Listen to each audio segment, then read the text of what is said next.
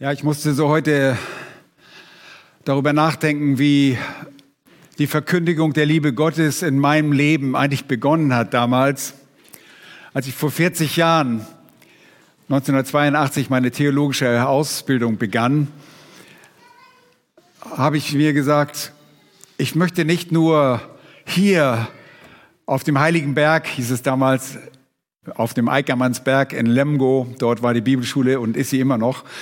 Dort habe ich mich ausbilden lassen, aber ich möchte nicht nur hier sein. Ich möchte den Menschen das Evangelium bringen. Ich möchte ihnen von der Liebe Gottes erzählen.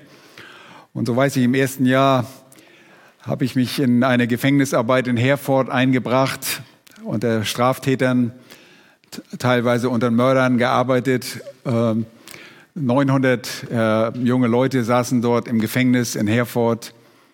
Und es war schön zu sehen, dass Menschen zum Glauben kamen. Aber ich erinnere mich auch an das zweite Jahr, als ich dann anfing, gesagt habe, ich möchte hier was ganz Besonderes machen für den Herrn. Und ich bin einfach losgezogen, bin in eine walisische Kneipe gezogen, äh, wo es nur Elitesoldaten gab und sie wollten eigentlich keine deutschen Männer, die wollten die deutschen Frauen, aber keine Männer, die wollten keine Konkurrenz. Und äh, naja, ich ging da rein und erzählte einfach dort äh, während der lauten Musik und Getanze und äh, es war wirklich eine Absteige war das, dort von Gott erzählt. Und ich erinnere mich, eine junge Frau setzte sich bei mir an den Tisch und äh, ich erzählte ihr von der Liebe Gottes und sie, sie guckte mich an und sagte, was? Was machst du hier? Du erzählst mir von der Liebe Gottes? Wieso machst du das nicht in der Kirche? Ich sage, du kommst doch gar nicht in die Kirche, deshalb muss ich zu dir kommen und wie diese Frau zusammenbrach an der Stelle und anfang zu weinen fing und sagte, das hätte sie noch nie erlebt, sowas. Und äh, ich konnte sie dann zur Bibelschule einladen. Ich habe dann später ihren, leider ihren, die Verbindung verloren. Ich weiß nur, dass sie zumindest ein äußerliches Bekenntnis zu Christus gemacht hat. Aber einfach, ich wusste noch gar nicht so sehr viel von der Liebe Gottes, aber ich musste raus von der Liebe Gottes erzählen. Und so soll es sein, ihr Lieben. Das dürfen wir nicht verlieren. Diese Liebe Gottes verkündigen. Und davon haben wir auch schon geredet in den ersten äh, Predigten in den vergangenen Wochen, dass das Thema der Liebe Gottes äh, für die Allgemeinheit, dass die universale Liebe haben wir uns angeschaut, die uneingeschränkte Liebe für die Welt, äh, weil Gott der Retter der Welt ist und nicht nur äh, ein designierter Retter in einer bestimmten Gegend. Nein, er ist der Retter der Welt. Und wir haben von dieser Liebe gesprochen, die Liebe, die allen Menschen gehen. Und dann haben wir von der Liebe für die Seinen gelernt. Und diese Liebe wollen wir auch jetzt betrachten, die Liebe, die uns gilt. Und wenn wir diese Liebe mehr und mehr verstehen, dann wird sie uns dazu bewegen, uns motivieren, wieder hinauszugehen, um anderen Menschen davon zu erzählen, denn wir wollen, dass sie das auch erfahren. Aber bevor wir das tun, lasst uns noch den Herrn um seine Hilfe bitten. Herr, wir bitten dich, dass du einfach durch dein Wort uns überführst, uns aufzeigst, wie wunderbar deine Liebe ist. Wir haben schon von der überschwänglichen Liebe gehört, die du für uns hast. Deine unauflösliche Liebe, die sich in ewiger Güte an uns erweist. Danke dafür. Wir sind einfach überwältigt davon, dass du uns, der du uns doch vollkommen kennst, dennoch liebst. Herr, das ist wirklich verwunderlich, so dass wir mit Johannes nur sagen können, seht, welch große Liebe der Vater hatte, indem er uns seinen Sohn gegeben hat. Danke dafür. Danke, dass du bereit warst, Herr Jesus Christus, der Gerechte für uns, Ungerechte zu sterben, damit wir Leben haben. Und so segne jetzt auch diesen Gottesdienst um deines Namens willen. Amen. Ja, wir haben über die überschwängliche Liebe gehört und darüber gestaunt. Wir haben über das Wort Gottes auch erkennen dürfen, wie seine Liebe eben kein Ende hat, sie unauflöslich ist und haben Römer 8 uns dazu angeschaut und haben das auch in der Wachstumsgruppe nochmal äh, durch äh, exerziert und nochmal darüber gesprochen. Wir haben über die ewige Güte Gottes gesehen, die er an uns erweist, seinen Kindern. Seine Liebe ist einfach ohne Ende. Und das alles ist so überwältigend, wenn man sich Zeit dafür nimmt, um auch darüber wirklich nachzudenken. Wir können das auch ganz schnell über unsere Lippen gehen lassen, ohne dass es uns in irgendeiner Art und Weise berührt. Ja, Gott liebt mich und das kann man ruckzuck einmal aufsagen. Äh, wie gesagt, das kann man sogar einem Papagei beibringen und der könnte das nachplappern. Aber wir wollen darüber nachsinnen und davon erfasst werden. Heute wollen wir zu uns einer weiteren oder zwei weiteren sehr wichtigen Aspekten der Liebe zuwenden. Beginnen möchte ich mit dem Aspekt der Läuterung, der Reinigung und dann im hinteren Teil dieser Predigt ähm, wollen wir uns den Aspekt äh, der Erfahr- und Begreifbarkeit der Liebe Gottes ansehen. Aber erstens jetzt, die sind so viel schneller als ich, die Liebe Gottes ist eine läuternde Liebe. Nun, woher haben wir diese Vorstellung? Oh, hoffentlich aus dem Wort Gottes. Ja, da ist sie her. Diese Wahrheit sehen wir zum Beispiel deutlich in den Briefen des Apostel Paulus. Und geht bitte mit mir einmal dafür in den Epheserbrief. Und der müsste eigentlich schon selbst auffallen in euren Bibeln, so oft wie wir zum Epheserbrief gehen, Epheser Kapitel 5. Dort wird uns dieser erläuternde, reinigende Gesichtspunkt der Liebe Gottes für die Sein so deutlich vor Augen gestellt. Dort in dem fünften Kapitel in Vers 25 Meistens brauchen wir diese Verse in einem anderen Kontext, aber da heißt es, zunächst ihr Männer liebt eure Frauen. Und mancher denkt jetzt, oh, kannst du nicht darüber predigen? Oh, das wäre doch auch nicht schlecht. Äh, gut, nein, wir gehen weiter. Und zweiten Teil des Verses kommt es an, äh, gleich wie Christus die Gemeinde geliebt hat und sich selbst für sie hingegeben. Christus hat die Gemeinde geliebt und er liebt sie immer noch, das weiß ich auch weil das lädt die Schrift genauso. Warum liebte er sie? Vers 26. Damit er sie heiligte. Damit er sie heiligte, heilige, nachdem er sie gereinigt hat durch das Wasserbad im Wort. Damit er sie sich selbst darstelle als eine Gemeinde, die herrlich sei, so dass sie weder Flecken noch Runzel noch etwas ähnliches habe, sondern dass sie heilig und tadellos sei.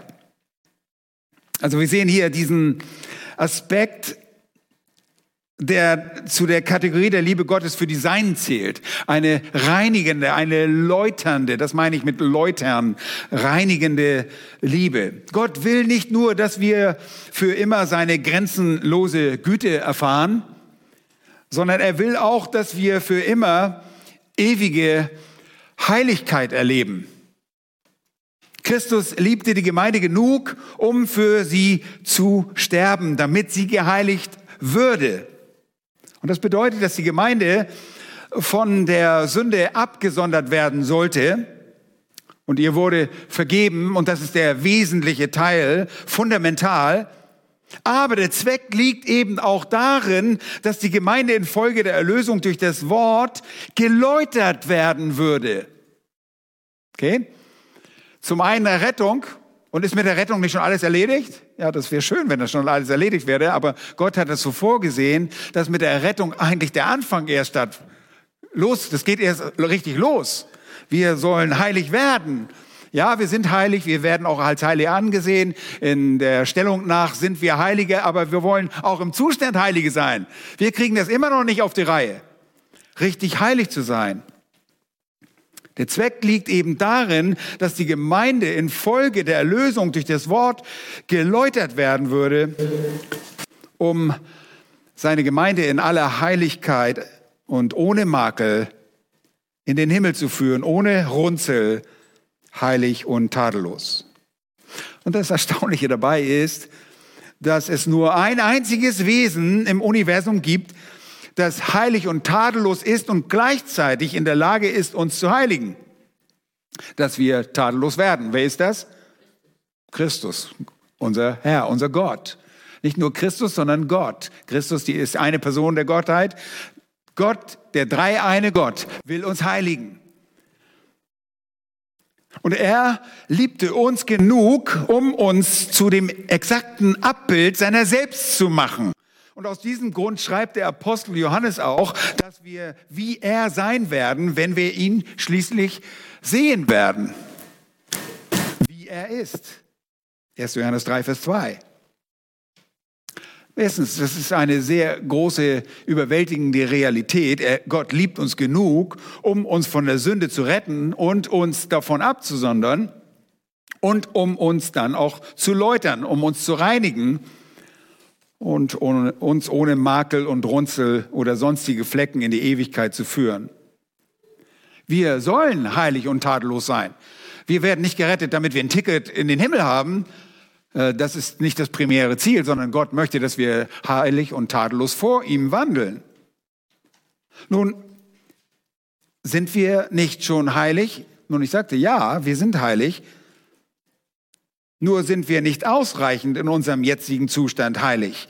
Der Stellung nach sind wir sogar Heilige und unser Lebenswandel als Kinder Gottes wurde auch verändert.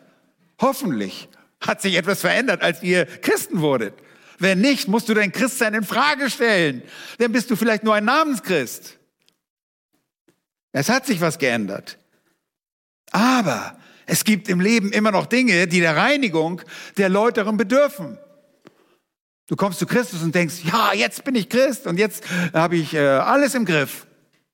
Bis zum Abend oder nicht mal zum Abend, bis zur nächsten Minute. Und du fällst auf die Nase und merkst, oh, ist doch noch nicht alles in Ordnung.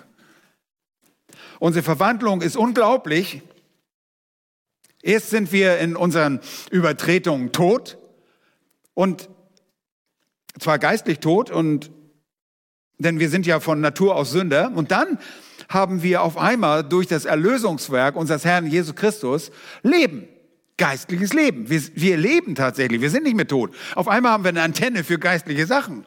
Wir können auf einmal das verstehen, was da steht. Vorher war alles irgendwie, machte keinen Sinn, ist irgendwie dummes Zeug und wollten wir gar nicht hören. Das Wort vom Kreuz ist eine Torheit, das war Torheit. Und auf einmal macht das Sinn. Wir erleben eine Verwandlung. Und eines Tages werden wir sogar zur Perfektion gelangen, wenn wir dort ankommen. Aber all das geschieht nicht durch unser eigenes Tun, wir haben nicht einmal einen in uns haftenden Wert, einen intrinsischen Wert, keine in uns äh, vorhandene Attraktivität. Kannst, wir können nie sagen, oh, bin ich ein toller Typ. Oh, ich bin ja so ein toller Typ. Nein, du bist kein toller Typ. Du bist so wie ich. Wir sind keine tollen Typen. Wir sind sündige Typen. Es ist nur Gottes freie Gnade, die uns stetig zuteil wird und seine Liebe, die uns verändert. Was ist das für eine Liebe? Es ist eine Liebe, die Johannes nicht zu beschreiben vermag. Er keine Adjektive sagt, sondern er sagt nur, seht. Und ich bin mir fast sicher, als er das schreibt, ist er so voller Erstaunen. Sagt, seht, welch eine Liebe uns der Vater erwiesen hat, dass wir Kinder Gottes heißen sollen. Es ist eine Liebe, die überschwänglich ist, die unauflöslich ist und die sich in ewiger Güte beweisen wird und erweisen wird. Es ist eine Liebe, die sich selbst in ewiger Heiligkeit erweisen wird. Nun, diese Aspekte der Liebe Gottes haben wir bereits äh, letzten Sonntag kurz angesehen und darüber gestaunt. Und jetzt wollen wir auf diese läuternde Liebe äh, eingehen und sie an noch anderer Stelle betrachten. Und dazu bitte ich euch, dass ihr den Hebräerbrief aufschlagt, und zwar Hebräer Kapitel 12. Hebräer Kapitel 12. In diesem Kapitel sehen wir diesen wichtigen, äußerst wichtigen Aspekt der Liebe Gottes. Wenn wir das nicht verstehen, dann entgeht uns fast alles. Ja, entgeht uns Wesentliches. Gott will immer das Beste für seine Kinder. Ich meine, wer möchte das nicht? Es sei denn, du bist irgendwie Kuckucks oder irgendwie krank im Kopf. Du willst immer das Beste für deine Kinder, oder? Ist einfach so. Gott möchte immer das Beste, dass der Pfad zu diesem Besten immer der Pfad des Gehorsams ist. Das hat Gott bestimmt. Ist es nicht so? Wir haben uns äh, Mittwoch mit diesem Gehorsam und auch die Woche davor mit Gehorsam beschäftigt. Und Gehorsam ist der Weg, der das Beste für uns ist. Begreifen wir das? Ja, theoretisch verstehen wir das. Ja, das können wir, wir sagen, ja, Gott weiß, dass der Weg des Besten immer der Weg des Gehorsams ist. Im Alten Testament wird uns deutlich am Volk Israel aufgezeigt, dass Gehorsam was bringt? Segen. Ungehorsam, Fluch. Und das ist auch für uns wahr. Wisst ihr, es ist wie bei uns Eltern mit unseren Kindern. Wenn ein Elternteil sagt, ich liebe mein Kind, oh, ich liebe meine Kinder und ich habe sie so lieb, aber dieses Kind oder diese Kinder werden nie gezüchtigt, dann müssen wir diese Liebe jenes Elternteils wirklich in Frage stellen. Da ist keine Liebe. Denn wenn ihr eure Kinder nicht gemäß dem, was Gott sagt, züchtigt, dann programmiert ihr sie wirklich für das Schlimmste. Dann habt ihr nicht begriffen, worum es geht. Liebe strebt aber nicht nach dem Schlimmsten, sondern immer nach dem Besten. Und deshalb lernt die Liebe zu züchtigen, denn Zucht wird zum Schutz und zur Garantie des Segens. So macht Gott das. Bereits in den Sprüchen, und ihr kennt das, wird das unmissverständlich zum Ausdruck gebracht. Wir lesen in Sprüche 13, Vers 14, wer seine Rute spart, der hasst seinen Sohn. Wer ihn aber lieb hat, der züchtigt ihn bei Zeiten. Leider sind selbst Gläubige äh, durch die Einflüsse der Welt so durcheinander gebracht worden, dass sie sagen, oh ja, aber wir sind so viel kreativer geworden, wir haben so eine gute Pädagogik, wir sind, haben pädagogische Kenntnisse, wir haben unsere eigenen Wege, die viel besser sind, dass wir auf diese schrecklichen Maßnahmen Gottes verzichten müssen. Oh, wirklich? Oh, du hast also mit deinem Verstand Gott überwältigt. Oh, herzlichen Glückwunsch. Ah, das ist nicht wahr. Und so folgen Eltern nicht selten einer Lüge, auf die sie dann noch stolz sind. Tja, ah, ihr habt das halt noch nicht begriffen. Wir wissen, wie es geht. Nun, zuvor sagte Salomo, Torheit steckt dem Knaben im Herzen, aber die Rute der Zucht wird sie ihm austreiben. Sprüche 22, 15. Und dann Kapitel 19, Vers 18 mahnt er, züchtige deinen Sohn, solange noch Hoffnung vorhanden ist. Und lass dir nicht in den Sinn kommen, ihn dem Tod preiszugeben. Oh, wie dankbar sind wir, dass der Herr uns nicht gehen lässt und uns dem Tod preisgegeben hat. Und Gott sagt, ich liebe euch zu sehr, um euch nicht zu züchtigen. Und wir sagen das Eltern auch unseren Kindern so, oder? Ich züchtige dich, weil ich dich lieb habe. Und die Kinder sagen, natürlich, Papa, das machst du deshalb, ich weiß. Nein, die gucken auf uns, skeptisch gucken die uns an und sagen, wie, wieso? Aber man kann das Kindern erklären. Und sie verstehen das auch. Wir haben einen elterlichen Verstand. Und wir können unseren Kindern das erklären. Aber genau deshalb, weil sie es nicht wissen, müssen wir ihnen das beibringen. Und das fordert ganzen Einsatz, Fleiß und Schweiß. Und weil sie Kinder sind, benötigen sie darin eure Weisheit als Eltern, eure Belehrung, die ist dafür nötig. Wir lernen es ebenso von Gott. Er ist es, der Weisheit gibt und so bringen wir es auch unseren Kindern behutsam bei. Und wir wissen, dass Züchtigung letzten Endes zu ihrem Besten ist und dass sie das lernen müssen. Das fällt einem nicht so in den Schoß. So wie auch wir die Züchtigung Gottes annehmen lernen müssen. Manche Wege gefallen uns überhaupt nicht, die Gott mit uns geht. Und ich weiß, dass wir manches Mal damit hadern, wenn Gott irgendwelche Dinge in unser Leben bringt und denken, oh, muss das sein? Ja, zu meiner Schande, ich habe ja am Mittwoch hier über Gehorsam äh, euch einen schönen Vortrag gehalten und dann ging ich ins Auto, wollte mein Auto starten und mein Auto sagte nichts. Und ich hatte mein Auto an dem Tag gerade aus der Werkstatt geholt. Und oh, ihr könnt gar nicht vorstellen, was in mir alles vorging. Und meine Frau guckte mich nur an und sagt, sagte, hm, was hat sie gesagt? Glaube, was du predigst. Oh. Glaube, was du selbst predigst. Und dann war er, uh, ja, und ich hatte immer, den Mechaniker hatte ich schon irgendwie, ah, habe ich gedacht, dieser Mechaniker, ja, Hanna hatte auch mal ihr Auto dahin gebracht, der fuhr das Auto hinterher auch nicht mehr. Siehst du, jetzt mein Auto auch kaputt gemacht, der hat mein Auto kaputt gemacht. Was alles in meinem Kopf war, ihr könnt es gar nicht glauben. Nun, das war keine dolle Züchtigung, muss ich sagen. Ich habe einfach schnell sagen können, okay, Herr, mal sehen, was du vorhast. Aber manches Mal hadern wir mit dem, was Gott mit uns macht und was er zulässt und was er in unser Leben bringt. Aber es ist immer das Beste. Gott liebt uns beständig, ohne Maßen und genug, um uns zu züchtigen. Und warum? Um uns von eingeschlagenen Ehrtümern, vom falschen Denken und Handeln auf den Weg des Segens zurückzubringen. Aber wir wollten ja Hebräer aufschlagen, Hebräer 12. Schaut einmal dort in Vers 6. Was Gott veranlasst dort. Da heißt es, denn wen der Herr lieb hat, was macht er mit dem? Den züchtigt er. Wie? Steht das wirklich da? Nun, wer lesen kann, der ist deutlich im Vorteil. Er, züchtigt.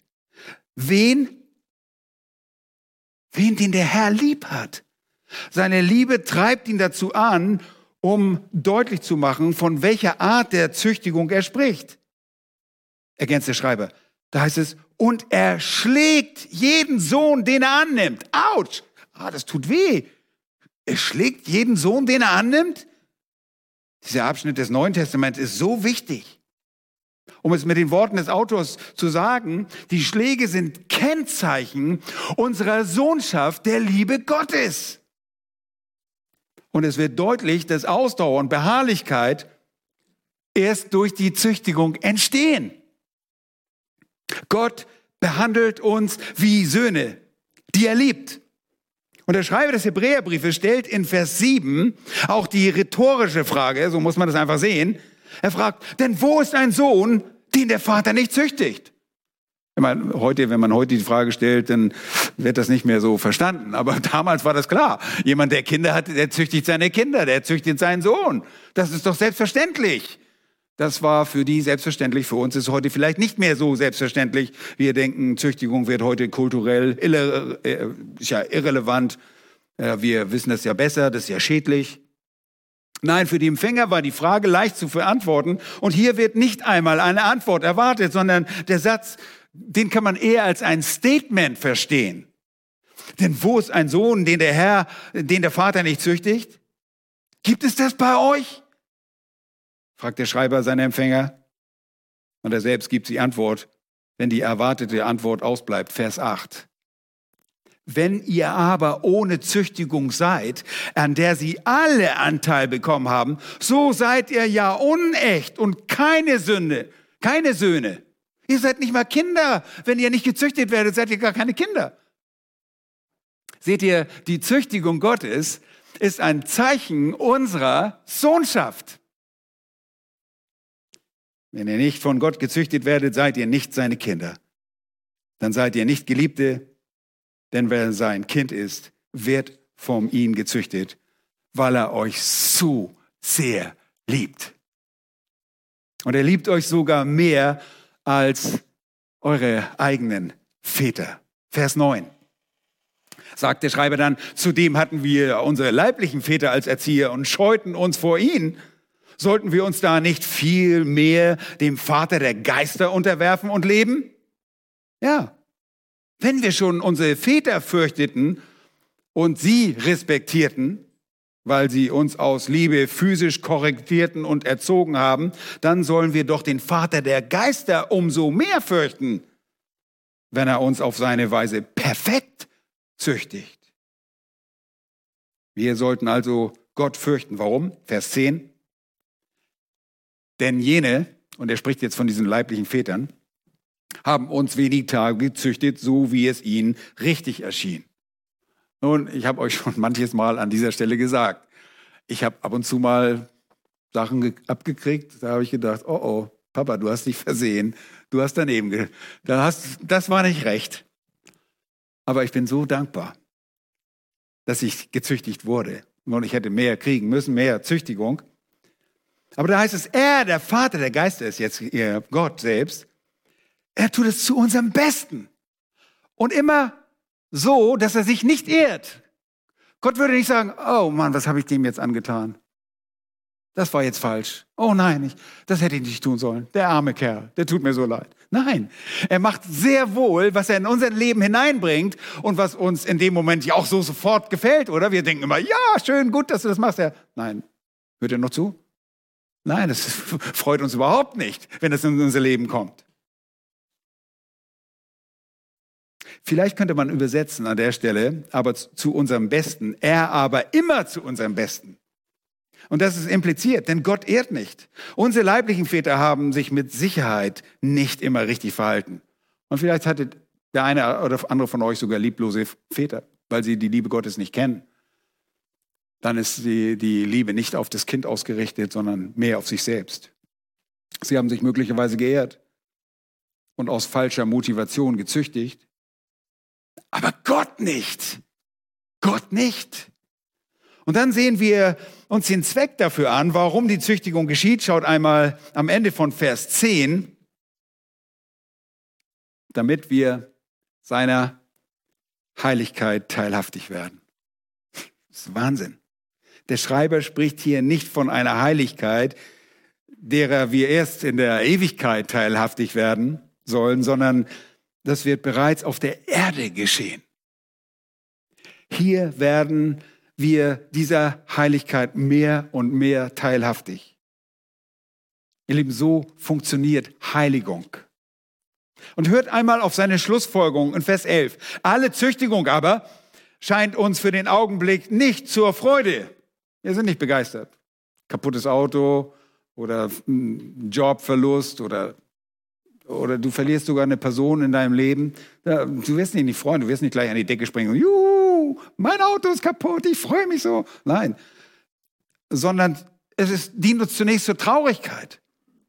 Aber hört mal gut zu. Danach aber gibt sie eine friedsame Frucht der Gerechtigkeit denen, die durch sie geübt sind. Hm. Sprüche 20, Vers 30 wird betont, Wundstriemen scheuern das Böse weg und Schläge säubern die verborgenen Kammern des Inneren. Sprüche 20, 30. Wenn Gott also uns wund sein lässt und dir seine Art von Schlägen an dich austeilt, dann gereicht das zu deiner Reinigung. Es gereicht zu deiner Läuterung in deinem immer noch unvollkommenen Zustand als Heiliger oder Heilige. Und deshalb brauchen wir auch einander in der Gemeinde. Gott hat uns in die Gemeinde gestellt, damit wir auch in diesen Dingen zu Instrumenten der Liebe Gottes werden.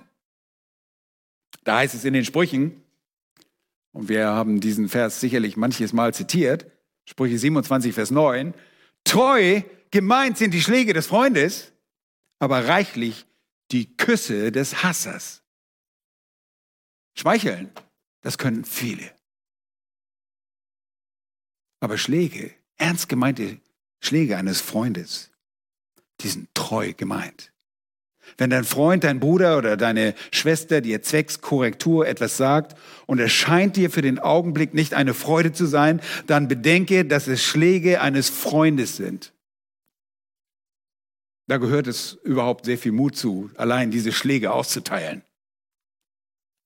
Alles Leid, das in deinem Leben hervorgerufen wird und das dir widerfährt, ist nützlich. So sagt es uns der Schreiber des Hebräerbriefes, denn Gott steht dahinter. Und es ist wichtig, dass du das Leiden im richtigen Geist annimmst. Sonst bringt es nicht das richtige Ergebnis. Und der Autor spricht in Vers 11 von denen, die dadurch trainiert worden sind. Und er verwendet dabei das Wort Gymnazo, eine Metapher aus der Leichtathletik. Gymnastik, seht ihr, Gymnazo. Es weist auf diejenigen hin, die sich in göttlicher Disziplin geübt haben. Und es geht nicht darum, mal die eine oder die andere kleine Züchtigung gnädig hinzunehmen und sagen, okay, das toleriere ich heute noch einmal. Nein, es geht um die Gewohnheit im Leben, diese Züchtigung Gottes anzunehmen. Erst wenn die Gewohnheit, diese Gewohnheit in deinem Leben vorhanden ist, folgt die friedsame Frucht der Gerechtigkeit. Wenn wir uns dagegen stemmen, kommen wir nicht weiter. Wir müssen realisieren, wer in unserem Leben wirklich das Ruder in der Hand hat. Gott liebt uns als seine Kinder genug, um uns zu züchtigen. Und es ist eine Liebe, die zurechtweist. Es ist eine Liebe, die tadelt. Es ist eine Liebe, die ermahnt. Es ist eine Liebe, die züchtigt, läutert. Deshalb der erste Punkt. Es ist eine läuternde Liebe. Und es ist somit auch eine Liebe, die lehrt. Es ist eine Liebe, die uns zur Gerechtigkeit und Gottesfürchtigkeit züchtigt. Das ist die errettende, die rechtfertigende, die heiligende, die verherrlichende Liebe, die Gott für die Sein bereithält. Mein Ungläubiger, der hat sowieso nichts mit zu Gott zu tun, der wird sich darum nicht scheren. Aber für uns ist das ein Ausdruck der Liebe Gottes. Und das nur für die Sein, für diejenigen, die ihm glauben und vertrauen. Deshalb Immer Vertrauen, Nina. Immer Vertrauen. Nicht auf deinen eigenen Verstand. Euch anderen sage ich das auch, aber weil ich den Vers vorhin zitiert habe, gelesen habe. Was für eine wunderbare Liebe. Groß genug, sagte Paulus zu den Thessalonichern, um uns ewigen Trost und eine gute Hoffnung zu geben. Und eben, ich kann heute nur wirklich diesen kleinen, schwachen Versuch dafür unternehmen, euch einen Eindruck zu vermitteln, wie groß diese Liebe ist trotz ihrer Größe ist sie, und das ist der zweite Punkt, erfahrbar und begreifbar. Die Liebe Gottes ist trotz ihrer Größe eine erfahr- und begreifbare Liebe. Ich möchte euch äh, zu einer Passage in der Schrift führen, die wir in der Gebetsstunde schon hier vorne an der äh, Wand hatten. Da geht es um einen Abschnitt im Epheserbrief, Kapitel 3. Und ich sage ja, Epheser fällt schon automatisch auf. Epheser Kapitel 3 und da die Verse 17 bis 19, wo Paulus den himmlischen Vater bittet, dass der Christus euch durch den Glauben in euren Herzen wohne, damit ihr in Liebe gewurzelt und gegründet dazu fähig seid, mit allen Heiligen zu begreifen, was die Breite, die Länge, die Tiefe und die Höhe sei. So, so weit stand das an der Tafel. Vers 19, und die Liebe des Christus zu erkennen, die doch alle Erkenntnis übersteigt, damit ihr erfüllt werdet bis zur ganzen Fülle Gottes. Paulus betet hier für die Epheser und natürlich können wir auch so beten und er betet auch für uns, für alle Gläubigen. Er betet in Vers 17, dass Christus durch den Glauben in unseren Herzen wohne. Und das ist mehr als ein Gebet für Errettung, obwohl es das natürlich auch beinhaltet. Aber das Wort kataikeo, wohnen, ist ein Wort, in dem das Wort Haus oder Heim und sich niederlassen miteinander verbindet. Okay, habt ihr es verstanden? Da ist auch zum einen das Wort Haus und Heim, sehr heimisch hier ja, in unserem Haus, und niederlassen verbindet. Und es bedeutet, sich niederzulassen und zu Hause zu sein. Es bedeutet, dass Christus sich in unserem Herzen niederlässt. Dass er da heimisch ist. Dass er dort zu Hause ist. Wenn wir glauben, kommt der Geist Gottes, nämlich Christus und Gott der Vater. Sie leben in uns. Christus in uns. Mit anderen Worten, wenn Christus unbeschränkten Zugang zu jedem Bereich unseres Lebens hat, wenn Christus alle Kontrolle hat, seid ihr nicht nur gläubig, sondern dann hat Christus sich bei euch niedergelassen. Kinder Gottes sind eine Niederlassung Gottes. Wir sind äh, Ihr wisst, was eine Niederlassung ist. Ja, da ist eine Niederlassung von Renault und da von Mercedes und wir sind eine Niederlassung Gottes. Gott hat sich in unseren Herzen niedergelassen. Er muss nicht mehr umtriebig sein, um rastlos Dinge in seinem Leben zu reparieren. Wenn du dich zu Christus bekennst und du dich ihm hingibst und, und er unge, beschränkten Zugang zu deinem Leben hat, dann, so sagt Paulus, wirst du in der Liebe gewurzelt und gegründet sein. Nun, wir können es auch so ausdrucken. Du wirst solide und fest in der Liebe Gottes begründet sein, wenn du dein Leben vollkommen, und das ist wichtig, vollkommen Christus unterordnest. Wir haben in unserem Leben des Öfteren Kämpfe, wo wir sagen, ach, hier ist noch ein Bereich, das, das, das, will ich für mich behalten, da möchte ich mein eigener Herr sein. Na, wir müssen uns ihm vollends ergeben, damit er sich bei uns niederlassen kann und alles bewirken kann in der Liebe, damit du verstehst. Wir können es einfach so ausdrücken. Wenn jeder Bereich in deinem Leben ihm untergeordnet ist und er unbeschränkten Zugang zu jedem Bereich in deinem Leben hat, dann wirst du fest in der Liebe verwurzelt sein. Mit anderen Worten, du wirst die Liebe Gottes erfahren. Was heißt das anderes? Fest in der Liebe verwurzelt, kann ich mir nichts verkaufen. Das bedeutet, ich kann sie erfahren. Du wirst Gottes Liebe erfahren. Als Kinder Gottes erfahren wir Gottes Liebe. Und das meinte Paulus, als er in Römer 5, 5 sagte, denn die Liebe Gottes ist ausgegossen in unsere Herzen. Und das ist auch, was Judas sagt, der, der Halbbruder unseres Herrn Jesus Christus, der am Ende seines, seiner kurzen Epistel dort in Vers 21 sagt, bewahrt euch selbst in der Liebe Gottes. Er wollte damit zum Ausdruck bringen, dass ein Christ weiterhin hingebungsvoll bleiben soll. Mein, beim Glauben kommen wir alle zum Herrn und wir kapitulieren aufgrund unserer Sünde und sagen, Herr, wir sind Sünder, wir wollen dir ganz nachfolgen. Wenn das nicht stattgefunden hat, bist du kein Christ. Wenn du sagst, nee, nee, nee, äh, ich möchte dir nachfolgen, aber da nicht, äh, das will ich für mich behalten. Ja, das, es gibt so eine Bewegung, die glauben sogar, man kann Jesus als Retter annehmen, aber nicht als Herrn. Das ist ein großer Irrtum. Du kannst Jesus nur als den annehmen, der er ist. Und in der Schrift wird er uns als Herr und Retter vorgestellt. Du kannst nicht sagen, na, ich will den halben Jesus nur. Ich will den nur als Retter haben. Das gibt's nicht. Und deshalb müssen wir uns ihm ganz hingeben. Und dann wirst du die Liebe Gottes in deinem Leben erfahren.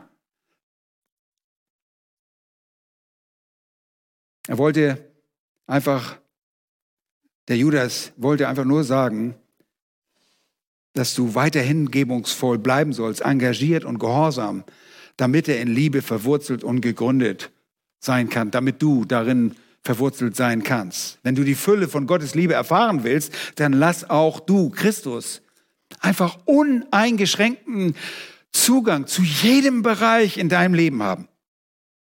Bewahre dich in der Liebe Gottes, so wie Judas dazu aufruft. Ihr Lieben, das bedeutet nicht, dass du deine Errettung bewahren sollst. Das ist damit nicht gemeint.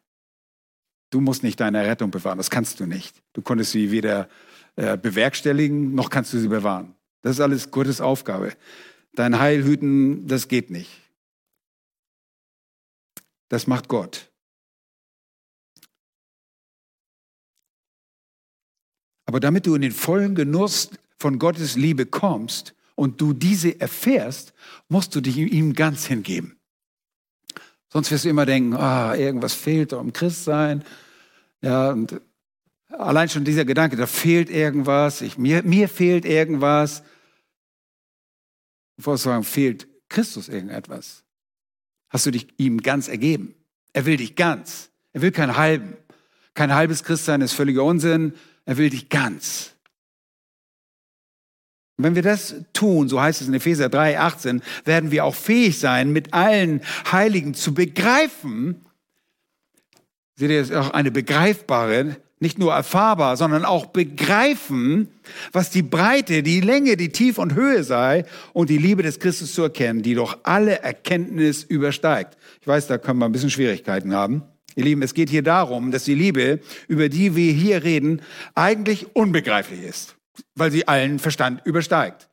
Ein Ungläubiger versteht nichts davon, absolut nichts. Das, ist, das verstehe ich nicht.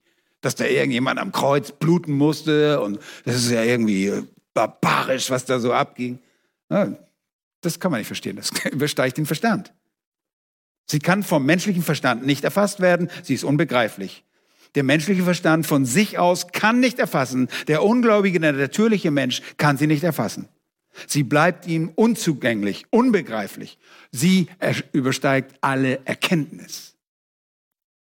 Aber wir, die Kinder Gottes, können sie begreifen, sagt Paulus. Wir können die Liebe Christi begreifen, die niemand sonst begreift. Und wir können sie in ihrer Breite, ihrer Länge, Höhe und Tiefe begreifen. Und zwar immer dann, wenn ihr darin verwurzelt und begründet seid. Und das passiert, wenn Christus den uneingeschränkten Zugang zu jedem Bereich in deinem Leben hat. Und das geschieht, wenn Christus dein Leben erfüllt, dann wird die Liebe Gottes dein Leben erfüllen und du wirst sie erleben und du wirst sie begreifen. Wenn du jetzt aber sagst, bitte erklär mir doch mal die Liebe Gottes, wisst ihr was?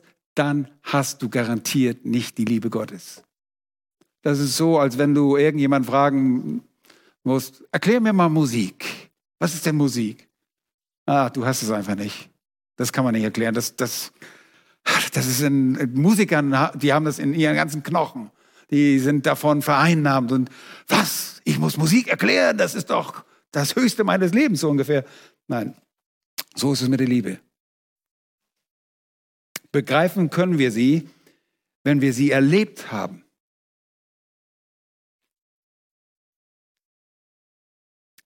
Leben, wir haben es erlebt, können wir nicht davon Zeugnis geben? Das jemanden erklären ist schwierig, aber wir können davon Zeugnis geben, wie unser eigenes Leben sich verändert hat. Denn die Liebe Gottes ist ausgegossen in unser Herzen. Wir haben sie erlebt und wir sind veränderte Menschen.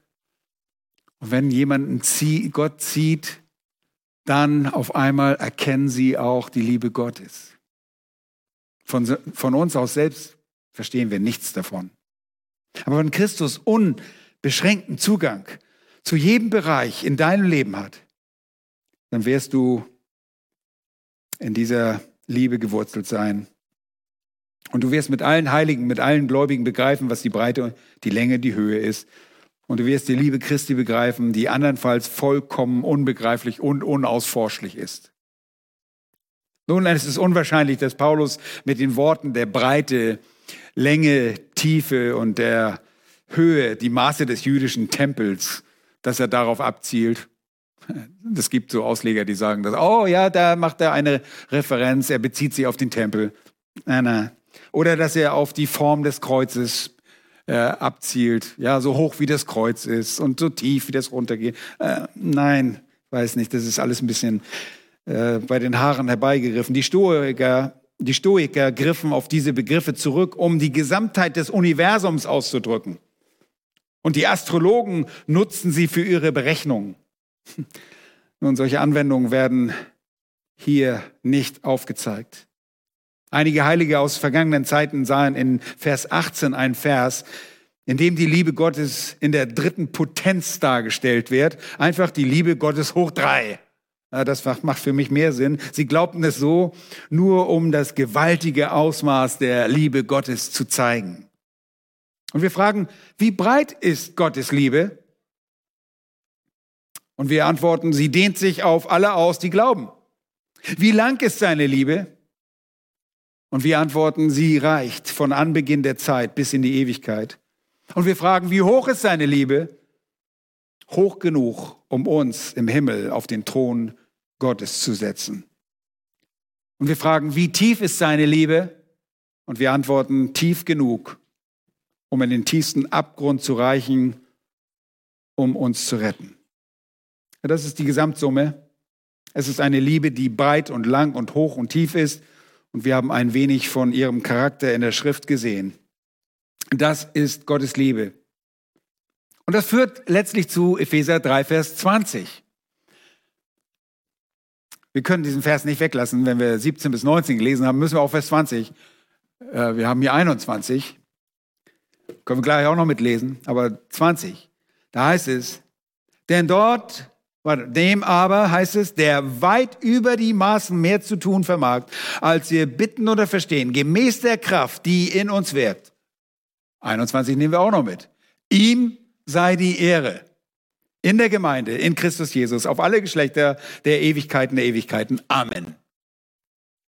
Was ist das? Womit, worin mündet das? Das ist ein Lobpreis. Sowas nennt man Lobpreis. Okay? Eine Doxologie. Und was veranlasste Paulus dazu, einen Lobpreis auf Gott hervorzubringen? Ich sag's euch. Dieser Lobpreis wurde dadurch ausgelöst, dass er die Liebe Gottes in Christus begriffen hatte. Sicherlich nicht, und Daniel hat es vorhin auch ausgedrückt, begreifen wir nicht die komplette Breite und die äh, Tiefe, wie sie ist. Aber wir begreifen sie. Wir begreifen sie. Und er begriff sie so weit, dass menschlich möglich ist. Und deshalb führte ihn das dazu, Gott Lob, zu Lobpreisen. Das ist Liebe. Gott, der Sünder so sehr liebt, dass er sie zu den Seinen macht, ihn alle ihre Sünden vergibt, Güte für alle Ewigkeit erweist und sie ausgießt über sie, sie heilig und tadellos und perfekt macht, wie er selbst, indem er ihnen Christus seine eigene Gerechtigkeit gewährt. Das ist Liebe. Und dann erweist er seine Liebe eben darin, dass er uns läutert, uns züchtigt. Und das ist so wunderbar, wenn ihr eben diese schwierigen Momente eures Lebens jetzt richtig einordnen könnt und sagt, oh, Herr, was immer ich lernen muss, ich weiß nicht wofür, aber ich nehme das aus deiner Hand. Ich weiß nicht, warum es so ist. Manchmal wissen wir es wirklich nicht. Warum jetzt diese Umstände? Aber ich lerne von dir. Und das, was du mit mir vorhast, das ist richtig und das ist gut. Gottes unsterbliche, volle, reiche Liebe in Jesus Christus zu erleben und zu tun, was in 1. Johannes 4,19 steht, nämlich ihn zu lieben, weil er uns zuerst geliebt hat, das, ihr Lieben, ist unser Segen. Meine Frage ist, wie reagierst du auf diese Liebe Gottes? Und wenn du kein Kind Gottes bist, dann beuge deine Knie vor, vor diesem Gott, der eine Liebe hat für jeden Menschen, dass er ruft, kehr um, tu Buße. Kehr um, folge mir nach. Vertraue dich mir ganz an.